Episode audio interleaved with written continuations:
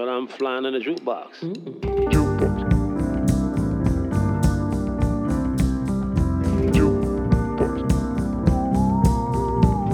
The flying jukebox. Hej och välkomna till den flygande jukeboxen. En podd av, med och för musikälskare. Mitt namn är Patrik Stanelius och den här veckan besöker jag musikproducenten och gitarrhjälten Alexander Pierre, ja han heter så på riktigt, i hans studio i Stockholmsförorten Örnsberg. Alexander släppte ett gäng riktigt bra låtar tillsammans med Sanna Colling för några år sedan när de hade duon Anti-Pony. De släppte bland annat sjutummaren I Go Places på skivbolaget Punkslime och i min bok så är det en automatisk kvalitetsstämpel. När Alexander Pierre inte är ute och lirar med band som Money Brother, Soul Reggae Orchestra, Virginia and the Flood med flera så tillbringar han större delen av sin tid i just studion där han producerar och spelar in allt från flummig rock till frias. Peacock Farm, Even the Last Waltz, Viktor Brobacke, Alberto Pinton, Haven har alla klivit över tröskeln där. Det har också Alexanders nya band 103rd som gör musik som skulle kunna passa utmärkt till en resa över öknen på en flygande matta. Alltså seriöst, lyssna på deras låt Ben Hur och tacka mig och dem efteråt. Ja, men det var väl det jag tänkte säga. Nu lämnar jag över till mig själv. Jag sitter i Örnsbergs musikstudio med Alexander Pierre, eh, musikproducent, eh, ljudtekniker, mixtekniker, gitarrhjälte, extraordinär och eh, ansvarig för, eh, eller delvis ansvarig i alla fall, för ett av årets hittills roligaste släpp. Viktor Brobackes solo-EP, Ja, Vuxna barn. ja. Eh, wow. Eh, Och det är också, det är också den som på något sätt är anledningen till att vi sitter här nu. För jag var och såg spelningen, som, eh, alltså release-spelningen för EPn och eh, där sprang vi på varandra och började språka och i, ungefär i samma veva så kom jag på att jag vill göra den här podden. Du Eh. hjälpte mig att bära instrument till bilen. Det var väldigt eh, hyggligt. Ja, och jag hade ju en slug baktanke då. då. Mm. Just det. Om vi pratar lite om vuxna barn just eh, så är det ju en skiva som eh, musikaliskt är på ett bra sätt lite all over the place som de säger Mm. på musikskolan. Den ska ju spegla lite så här hur Victor är som person och då är det ju extra allt. Så att det var det, jag, jag har i alla fall tänkt att det ska vara så här att vi ska försöka få med mm, så mycket som möjligt utan att det känns helt... Eh, ja, det måste ju ändå vara liksom finnas någon så här dynamik och så Mm. i det. så att det känns som musik. Men det tycker jag verkligen att, att eller jag känner mig nöjd med det. Ja, jag tycker alla har gjort en strålande insats. Mm. Jag tycker att eh, ofta när man läser så pressreleaser eller intervjuer med band, mycket prat om musik är ju egentligen samma rätt och serverad om och om och om igen. Mm. Och en sån klassisk sägning är att ja, vi har försökt fånga livekänslan Mm. i studion den här gången. Mm. Och eh, jag hörde ju låtarna inspelade innan jag såg det live men eh, den här energin Mm. som, eh, som han eh, liksom har gjort till sitt adelsmärke på scen och eh, som genomsyrade hela giget, den tycker jag är fångad Ja, vad bra. på EPn. Det var väldigt kul att se och höra.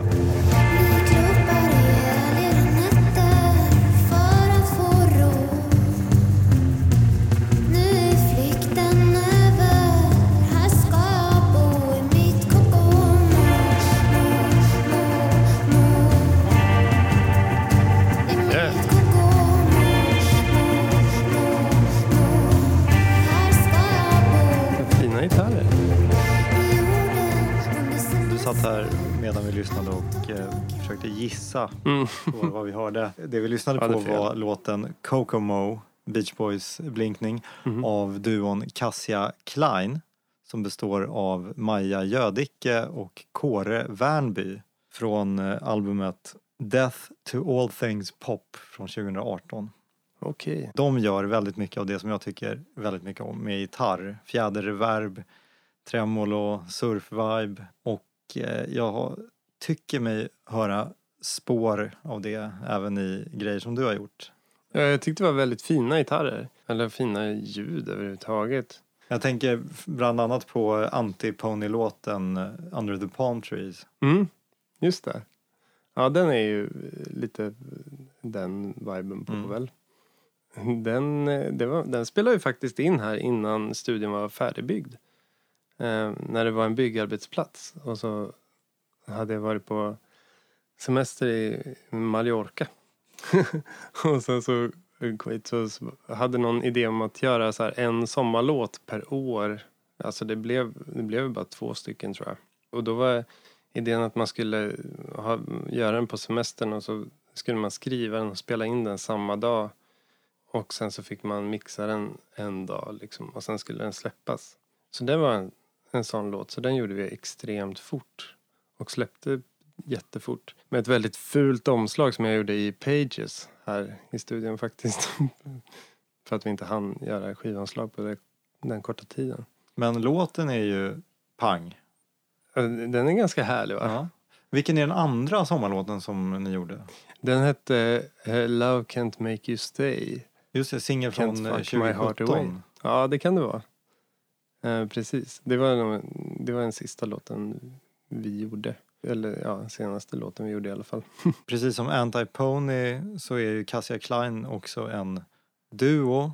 Ett eh, ganska speciellt sätt att jobba på. Oavsett vad man har för relation till varandra så kan jag tänka mig att eh, det är en grej att vara ensam och fatta alla Mm. beslut själv. Eller vara en trio som Rush. Eller att vara ett band, regelrätt band. Då, och då tänker jag fyra pers eller fler. Men just två eh, måste vara en väldigt speciell dynamik.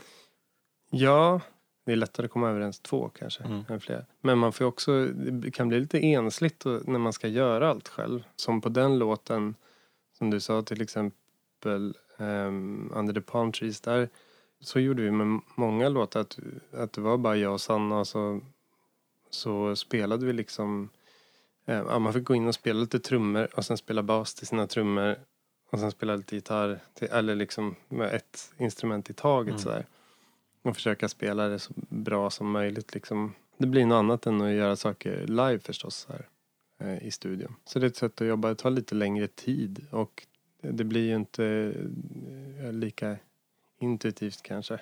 Själva- Nej, det är ju svårt att få till den här grejen när en eh, grupp musiker liksom rör sig tillsammans, får häng tillsammans, sticker tillsammans.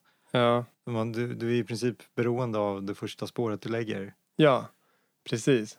Och man får försöka göra allting, eller jag försökte göra det så här att jag bara försökte göra allting väldigt snabbt och inte så här fastna i att ta om grejer. Så det var ofta så här, ah, nu spelar jag en gitarr och nu då var den, får den vara klar. Och nu spelar jag lite bas och nu får den vara klar. Alltså man inte, om man spelar helt fel, ehm, ja, så helt tokigt fick man väl ta. Men annars så fick allt duga liksom. Mm. För att det skulle, det skulle vara inspirerat hela vägen. Och ni ha, har den förmågan att släppa taget och röra er vidare framåt. För det är ju någonting som är svårt för många. Det finns en möjlighet att ta tusen tagningar till exempel. Mm. Eh, Att inte göra det. Ja men precis. Eh, Alltså det är jag nog väldigt bra på. Och när, för att jag tycker att det är det tråkigaste som finns. Och just när, när jag spelar in andra också så är det också det tråkigaste jag vet. Mm. Så att det är därför jag tror jag, jag liksom har börjat, jag gillar ju att spela in på band och sådär. Och det är liksom inte eh, direkt för att, alltså jag tycker att saker låter bra när man spelar in på band. Men eh, det har ju framförallt att göra med att det blir så här, arbetssättet blir annorlunda. Och det blir liksom svårare och eh, man tar liksom inte om grejer hundra gånger. Utan då är det mer så här, okej, ja, ska du göra den bättre då kommer jag spela över det. Det andra du gjorde så här, så då måste man veta att man gör det bättre. Mm. Eller så får man så här, ja nej men det kanske liksom var bra. Så går man vidare. Att jämföra med att fota på film till exempel. Ja, precis.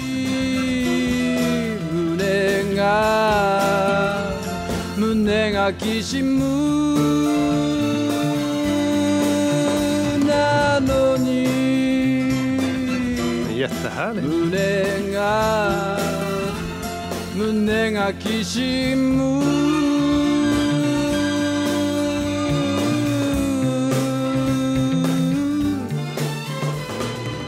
夏の唇が Vad grym. Det var en kul låt.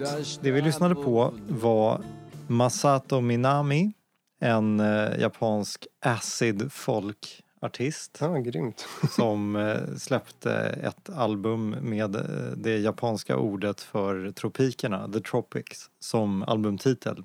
Det är ett ord som jag inte kan, men nyutgåvan som kom för en handfull år sedan har den engelska titeln The Tropics. Och eh, låten, som också är en japansk språkig titel, vilken jag inte kan, översätts ungefär till blå spår eller blå skepnad. Och det här är singelversionen som inte är med på original-LPn utan som släpptes på, som bonusspår på CDn. Originalversionen som är med på albumet är samma låt men bara Masato, en gitarr och ett väldigt, väldigt, väldigt mycket lägre tempo. Men är det en gammal låt? Ja, alltså, den det är låter ju rätt gammalt. Ja, 1971 Ja. är det härifrån.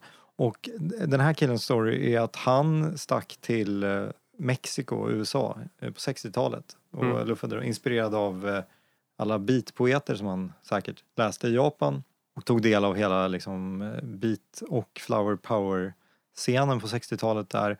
Mm. Och legenden säger att han såg en Bob Dylan-spelning i USA och Mhm. blev frälst och bestämde sig för att starta ett band. Åkte tillbaka till Japan och anlitade bland annat Haruomi Hosono som eh, var med och grundade Yellow Magic Orchestra japanska eh, elektroniska musikpionjärer som spelar bas på albumet men eh, däremot verkar det inte som att han lirar på just den här låten eftersom det inte hörs någon bas. Ja, men det är, det är ändå en basgång. Alltså, så Ja. det kanske är... Så här, det kan ju vara en bas, men den, den är väldigt obasig bas i så fall. Ja precis, det låter ju nästan som att det är typ en tele. Ja. Även med på albumet är ett annat liksom, tungt namn inom den japanska musikformen och det är Takashi Mizutani som var med i eh, arthouse-bandet Le Ralise de Nude. Ja, du, du får skicka en lista sen, för jag har inte hört något av det där tror jag. Jag tror att jag är eh, undermedvetet påverkad av eh, att du har spelat i en duo för att det, flera av valen här är en manlig och kvinnlig Mhm. duokonstellation. Var det här då också? Nej. Nej, det här är Nej. inte det, men, men det vi ska lyssna på härnäst.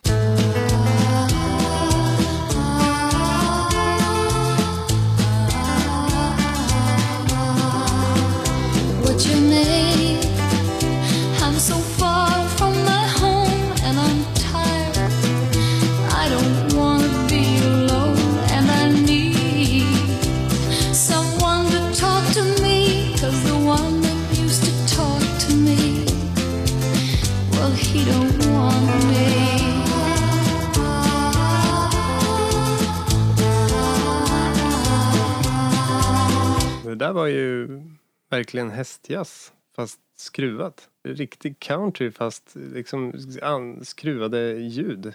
Det här var eh, The Poppy Family eh, som eh, gör låten That's Where I Went Wrong. Och om du inte har hört talas om The Poppy Family så inte. betyder det nog mest att du inte växte upp i Kanada på 70-talet. För det här är Susan Pesklevitz Mhm. som eh, träffade en kille som heter Terry Jacks på kanadensisk tv på 60-talet. De blev kära, gifte sig, hon tog namnet Susan Jacks och tillsammans med en tredje kille vars namn undflyr mig så bildade de bandet The Poppy Family och eh, de hade faktiskt en eh, Billboard 2 med sin första singel eh, Which Way You Goin' Billy som också blev namnet på eh, deras första album på vilken den här låten som vi lyssnade på är med på. Men de uppnådde inte riktigt samma livsframgångar utanför sitt hemland efter det. Och eh, några år in på 70-talet så skiljer de sig och satsar på solokarriärer. Terry Jacks står för en av världshistoriens mest utskällda låtar, Seasons in the Sun. Mhm. Mhm. We enjoy fun we had seasons. Är det en hatad låt? Den kanske upplevs som för simpel. Jag vet bara att det är liksom en av världshistoriens mest utskällda Mm. hitlåtar. Det är liksom en översättning av en Jacques Brel-låt, Mm. Le Moribond.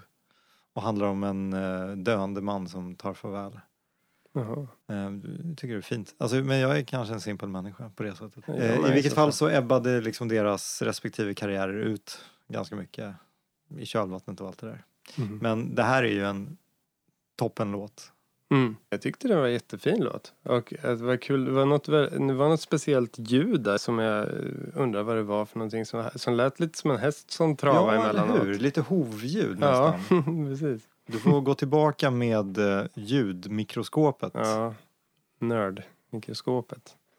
Leta. Jag, jag tänkte på det, eh, som eh, liksom, producent, jobbar du så att du ja, men, samplar ljudet av en tändsticka mot ett plån till exempel och jobbar in det i en låt? Eh, nej men alltså det är klart man spelar in lite vattenbunkar och olika saker. Eller om man märker att någonting, jag tycker man stöter på ibland så saker som, som låter kul.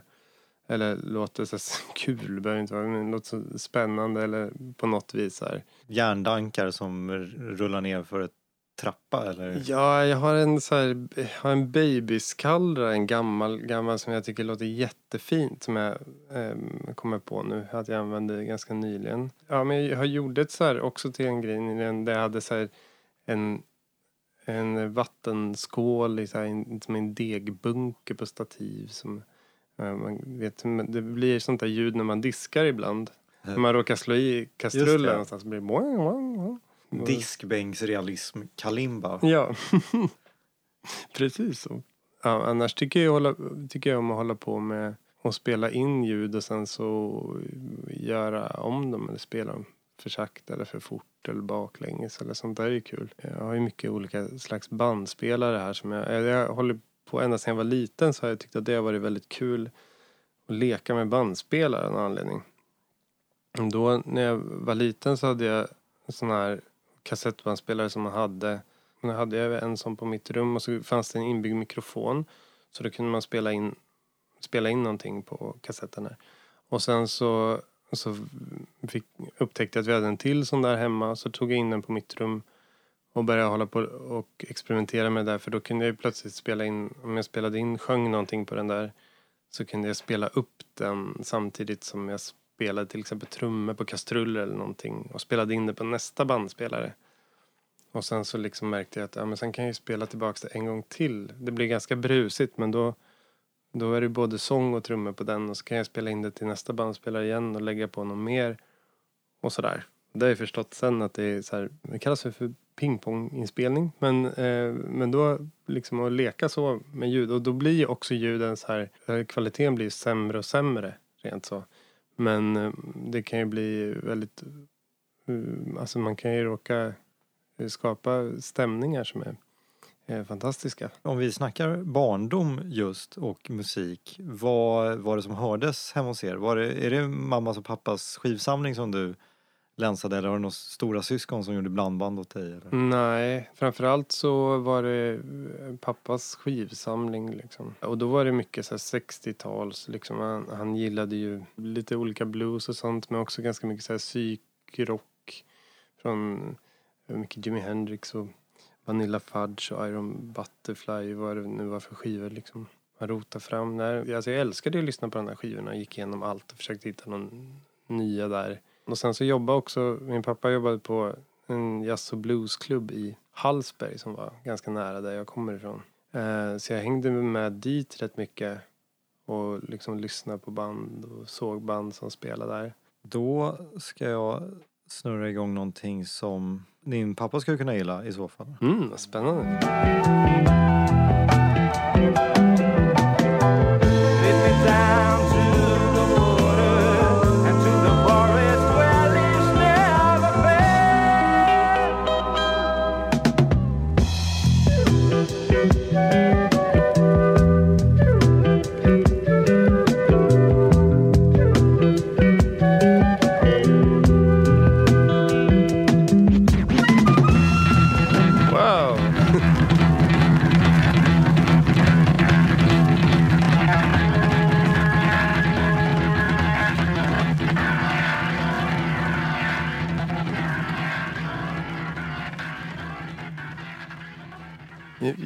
Jättebra slut.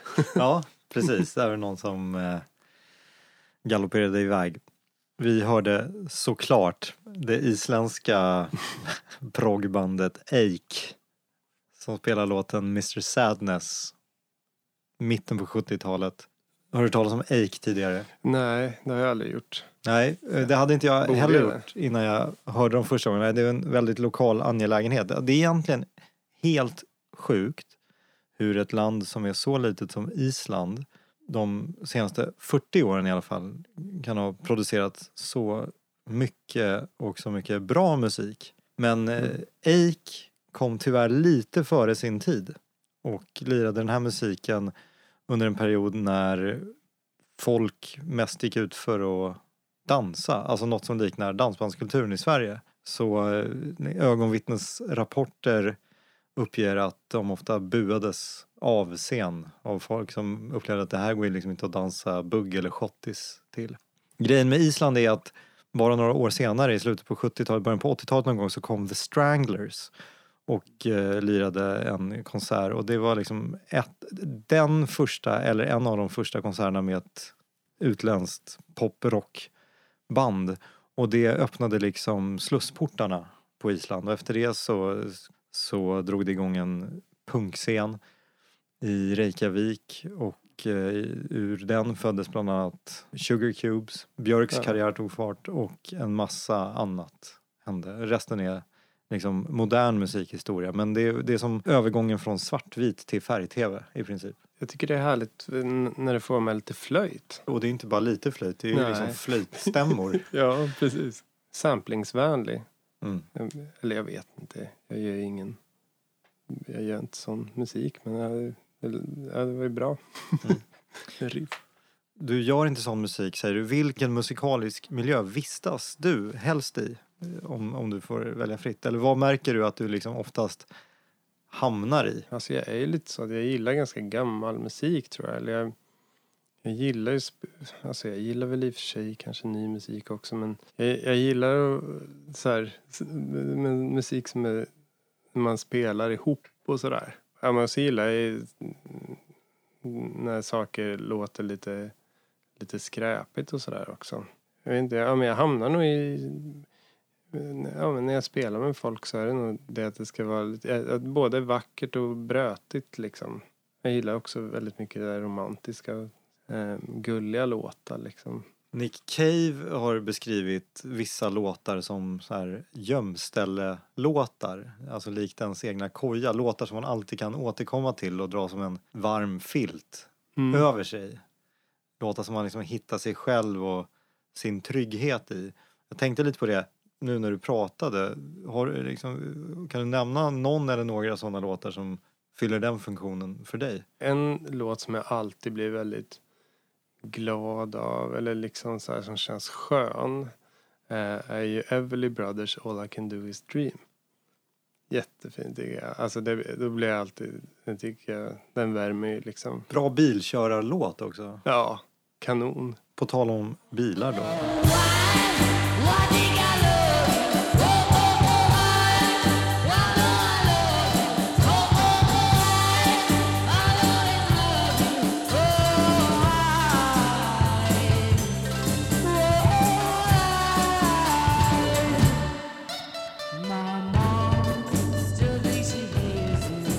Ozma av eh, gruppen Shannon and the Clams. När tror du att det här var ifrån? Eh, ja, det här tror jag är från, från 60-talet någon gång. Eh, Det låter som det. det är eller det skulle kunna vara slutet på 50-talet också, men jag tror att det är 60-tal. Precis, det är ju en retro-vibe av ett band som är verksamt nu. Just det här albumet, Dreams in the Rat House, släpptes 2013. Men eh, det är ju det här, jag vet inte om den här skivan, men deras senaste skiva är producerad av Dan Auerbach som verkligen eh, liksom lever och frodas i det här gamla soundet med Ja, det är verkligen retro. Ja, det, disten är så uppskruvad att nålen liksom hela tiden vibrerar i det röda känns det Ja, som. precis. Alltså det här är ju sån musik som, eh, kan, som skulle kännas kul att spela. När jag funderade på dig och så såg jag i en eh, intervju när du nämner att du meckar och säljer gamla bilar. Då tänkte jag men det här är ju bilmeckarmusik. Ja, det är det ju verkligen. Det är ju en renässansmänniskas värv, verkligen. Att uh, meka bil. Ja, Alltså det är samma sak som i studion, att jag gillar att skaffa mig problem så här som jag ska hålla på och, och böka med. Och bilar är alltid problem liksom. Det håller jag ju på och krånglar med också. Så jag brukar köpa gamla skruttiga bilar, rädda dem från skroten. Eh, och besikta dem och putsa dem. Och sälja dem.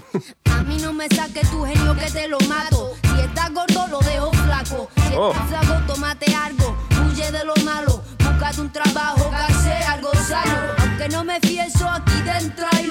Tengo un trato, lo mío pa' mi saco. Lo tuyo más barato, mi lengua pa' mi gato. Pido bobo, candalera, escenario y aire. Que pulmones ya tengo pa' llenarlo. Que yo tampoco me creo. Den andalusiska rapparen Mala Rodriguez. Wow. Låten heter Tengo un trato från albumet eh, Lujo y Vergo. Året är 2000 som det här gavs ut. Det som är kul med Mala Rodriguez, och det finns även en eh, Alexander Pierre-koppling här och då tänker jag återigen på bilar. Ja. För att eh, en av hennes låtar har förekommit i en av eh, Fast and Furious-filmerna. Okej. Ja, jag, jag, ja, jag kanske har sett en. Sista grejen där med Fast and Furious är att i del 8 så har skurken, spelad av Charlize Theron, på sig en Metallica t-shirt. Vilket då implicit innebär att de här filmerna existerar i samma universum som Lars Ulrik. Ja, jag, jag ville faktiskt mest få med det faktumet. Nu ska vi byta ämne och eh, innan jag sätter på nästa låt så vill jag att du tänker så hårt och länge du kan på vad det är som egentligen gör en låt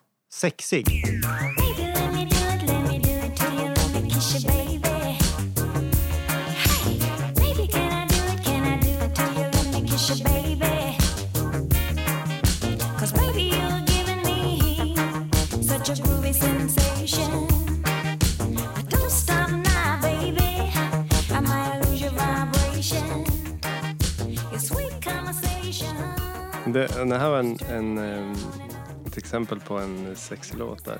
Kanske, vad säger du? Ja, det, jag tycker att den här kanske var liksom lite för påtaglig då. En sexig låt skulle nog vara lite mer så här nonchalant. Eh, och det, kanske, ja, det kanske ska vara det där snärtiga ändå. Men jag tror att framförallt när man sjunger den så måste den vara lite mer så här nonchalant. Och jag har en, en skiva hemma med en, en eh, artist som heter Mirelle. Eh, som jag tycker är, den tycker jag är lite så, alltså Eh, Fast där är mer orkester och så. Men, och den kanske är egentligen bara mer sådär romantisk och så. Att jag, men, eh, men den tycker jag... Det blir lite så här sexig stämning när man slår på den. liksom. Den lägger jag gärna på då. Man, man vill ha den viben. Den här viben är låten som vi lyssnade på är låten Baby Let Me Kiss You. Artisten heter Fern Kinney. Sjöng soul och rhythm and blues på 60-talet, tidigt 70-tal och sen så la hon av med musiken för att bli hemmafru. Men eh, kunde väl inte hålla sig borta och liksom relanserade karriären. På 70-talet försökte rida på discovågen men det var lite för sent för att disco var på väg ut genom fönstret. Mm. 79. Den här låten är från 1979. Jag, kan, jag håller med dig om att den kanske är lite för osubtil. Men Ja. samtidigt så är det en sån, det en sån smittande basgång. Nej men absolut, den är ju väldigt funkig liksom. Det var mer så här, ja den kanske liksom är sexig men det är så här, vad, jag, jag börjar mer tänka på vad, vad, vad jag så vill, vill spela när det Ja. ska kännas sexigt. Om man bryter ner det, tror du att någonting kan kännas sexigt utan att det speglas på något vis i texten? Och då pratar jag inte om instrumentalmusik utan ja, absolut. Det tror jag verkligen. Särskilt den där, till exempel den skivan som jag sa, den är ju på franska, jag förstår ingenting. Det är säkert inga sexiga texter. Ja, men vi dröjer oss kvar i, eh, under rubriken samlevnad och kärlek. Eller? Är, Ja. det, här, är det här kärlek? Följ med mig hem så ska jag visa hur jag bor. Det här gillar jag. Det är inte alls för det där du tror. Nej, inte alls för det som du tror. Åh, ensam. Jag bjuder på ett glas med vin och en macka. En macka. Ensam. Det enda jag vill är att sitta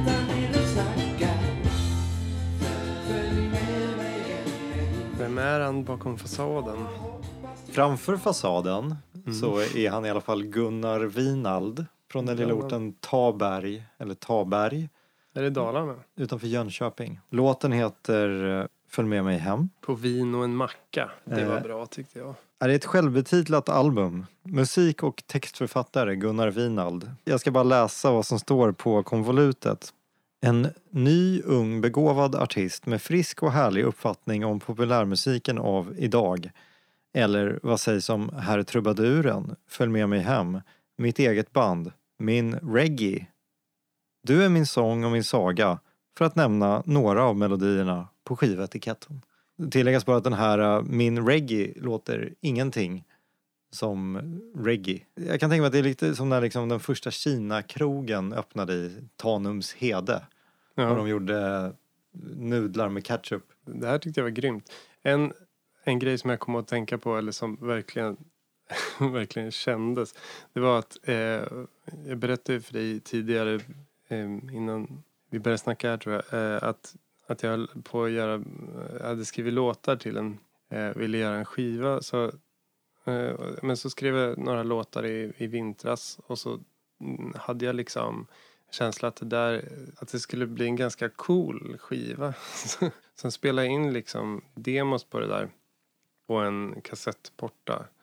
Eh, och så blev det verkligen det här. Eh, alltså, det, det här skulle verkligen kunna vara med. Det skulle smälta in som ett spår.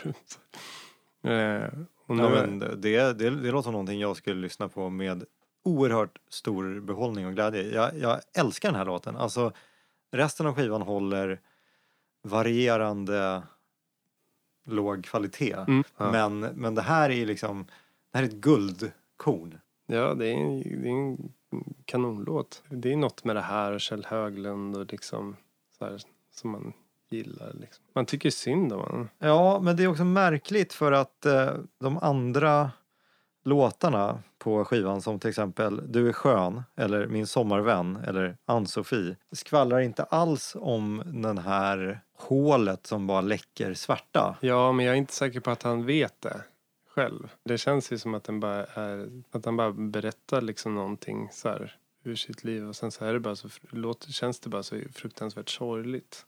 Jag förstår hur det kan, hur det kan gå så här. Att det blir, att det blir såna låtar liksom. För att det, nu när man går eh, och, och, tänker på något och så bara så gör man den liksom spontant och så gillar man lite töntiga grejer så här som man, som man gör säkert så blir det liksom såna här låtar. För det är ändå en, den är liksom, jag tycker att det är en härlig låt men det är väl en ganska töntig låt liksom.